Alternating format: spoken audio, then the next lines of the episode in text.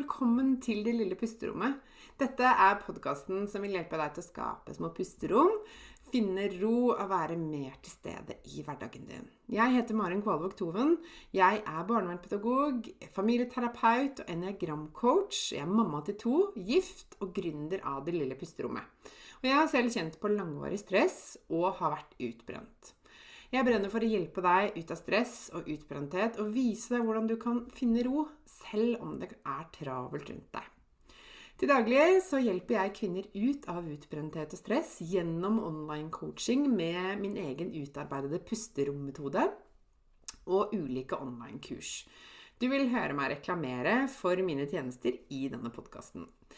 Du vil også i denne podkasten få mine tips, triks og inspirasjon til hvordan du kan skape dine pusterom i hverdagen. Jeg kommer også til å dele egne erfaringer og invitere spennende gjester på besøk. Mer om meg og det jeg kan hjelpe deg med, det kan du lese om på delillepusterommet.no. Det er veldig gøy om du deler at du hører på Det lille pusterommet i sosiale medier, og tagger meg, så jeg kan si hei til deg.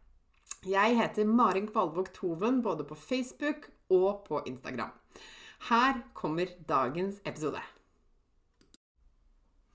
Hei og velkommen tilbake til det lille pusterommet. I dag har jeg lyst til å dele litt om eh, noe av det som jeg syns var desidert tøffest med å bli utbrent. Fordi at um, det dukket opp masse følelser og tanker og og um, reaksjoner, egentlig, på, uh, på det. I sånn, litt sånn i kjølvannet av uh, at jeg møtte veggen og ble sykemeldt. For det var jo Altså, bare for å si det, det, det å bli sykemeldt er jo ikke noe som skjer sånn over natta. Det gjør jo det, men det, men det er jo en prosess som selvfølgelig eh, det, liksom byg, det bygget seg opp til det over tid.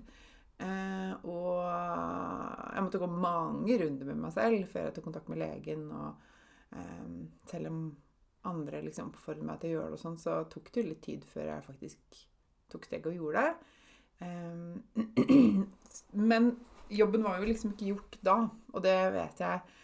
Og hører fra flere av de kvinnene som jeg snakker med i det lille pusterommet også, at det er veldig eh, mange følelser og tanker og utfordringer knyttet opp mot det å bli sykemeldt og utbrent. Så jeg, i dag har jeg lyst til å dele litt av min historie knyttet til det. da. Eh, og det føltes egentlig som at hele verden avslørte meg som utilstrekkelig. Det var akkurat som jeg eh, ble liksom blottlagt. At med en gang jeg ble sykemeldt, så ble det på en måte offentlig. Eh, og jeg kjente på så enormt mye skam. Det var en sånn bunnløs følelse av nederlag. En kjempenederlagsfølelse eh, over at jeg liksom ikke fiksa hverdagen min, og ikke fiksa livet, slik som det så ut som alle andre fiksa livet sitt. Og det skammet jeg meg skikkelig over. Eh, og i den skammen så lå liksom selvfølgelig masse av mine egne forventninger til meg selv som, eh, som eh, mamma, og også som fagperson. Eh, jeg burde vel fikse dette mammalivet. Eh, siden jeg tross alt har til og med utdannelse i hva det vil si å være en god mamma. Og, og det jeg tenkte at andre forventet av meg, da. Eh, og oppå den skammen så lå det enda mer. Eh, en hel haug av Eller tjukk klump av dårlig samvittighet.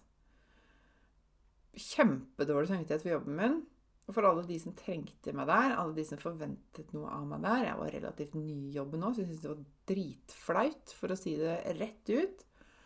Um, og jeg hadde familier som jeg fulgte opp i den jobben. Eh, som jeg fikk kjempedårlig samvittighet for. Og for familien min, eh, fordi jeg ikke strakk til, og fordi jeg ikke orket så veldig mye.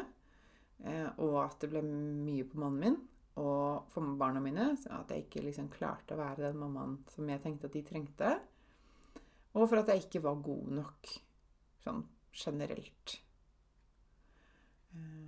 Eh, alt dette trodde jeg og tenkte jeg. Jeg sier ikke at jeg, dette er sannheten. Dette er mine følelser og mine tanker i den prosessen.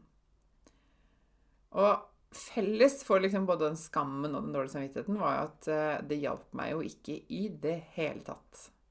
Virkelig ikke.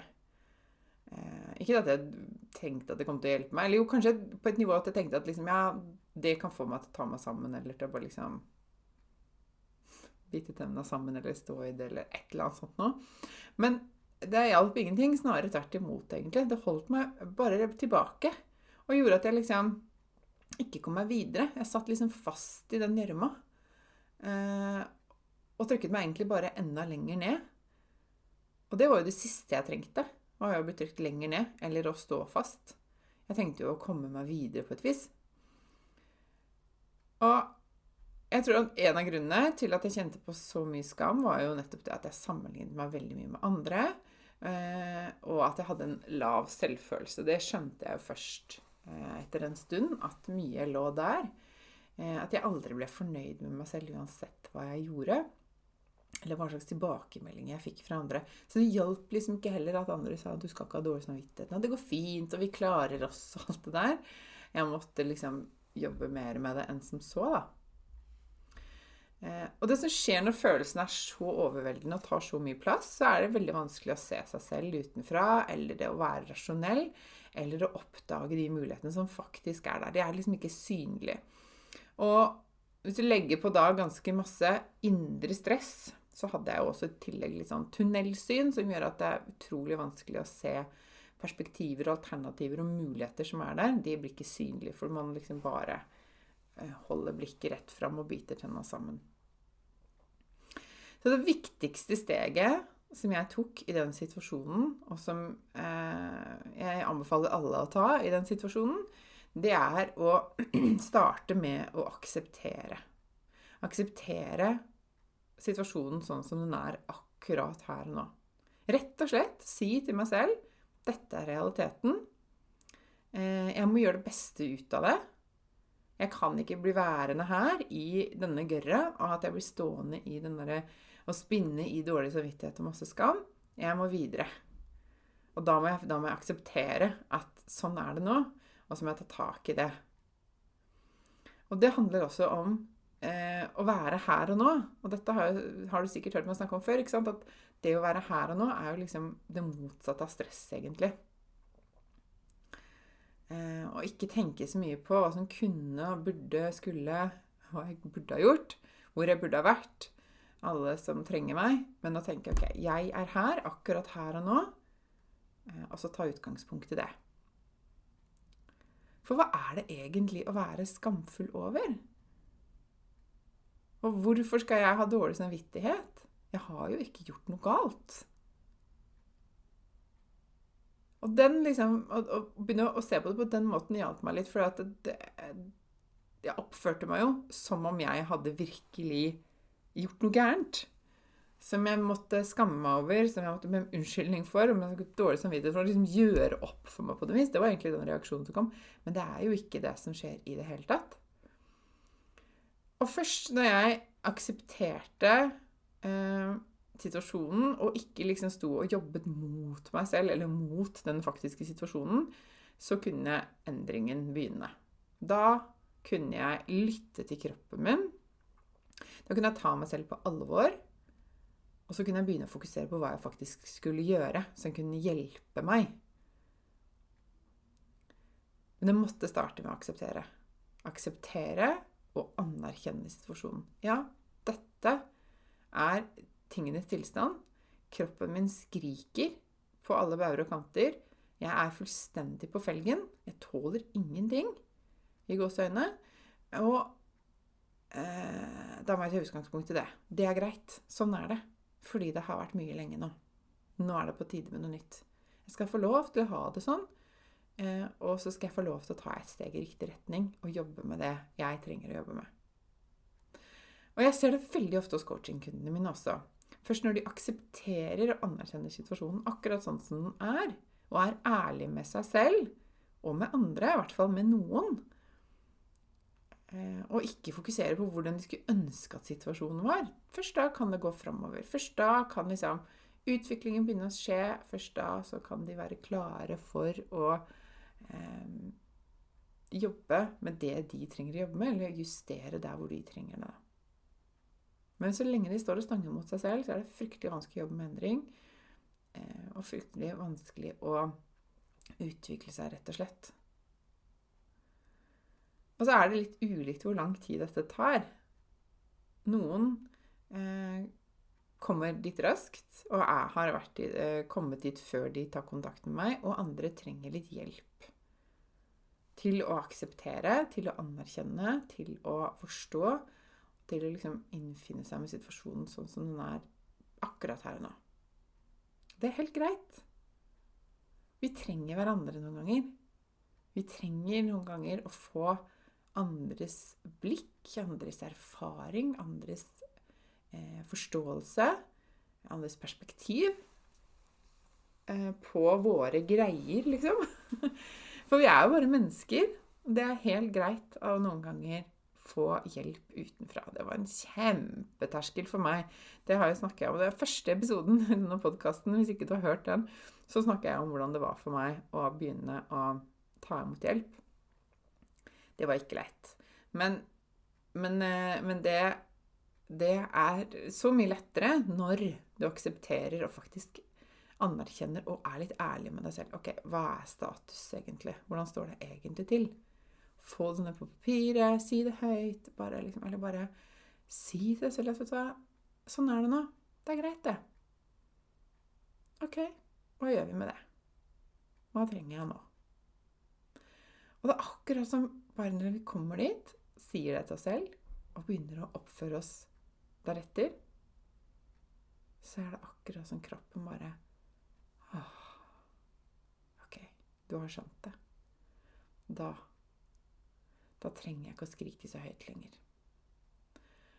Jeg har opplevd det selv, og jeg har sett andre også som plutselig bare kjenner at Oi, nå slapp den vonde skulderen, liksom. Eller Oi, OK, da klarer jeg å sove litt bedre. Eller da har jeg ikke så vondt i hodet lenger. Eller Det er akkurat som kroppen bare Greit, nå er vi videre. Nå har du skjønt det. Da kan jeg slippe litt grann av taket. Og så kan, å, så kan du begynne å spille på lag med meg, liksom. Det er ganske fascinerende.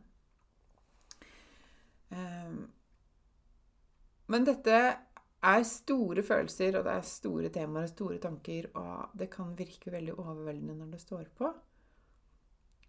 Hvis du har kjent på dette, eller er, er der eh, nå, kanskje, eh, så er det så utrolig verdifullt og viktig å starte med akseptere, anerkjenne og være ærlig.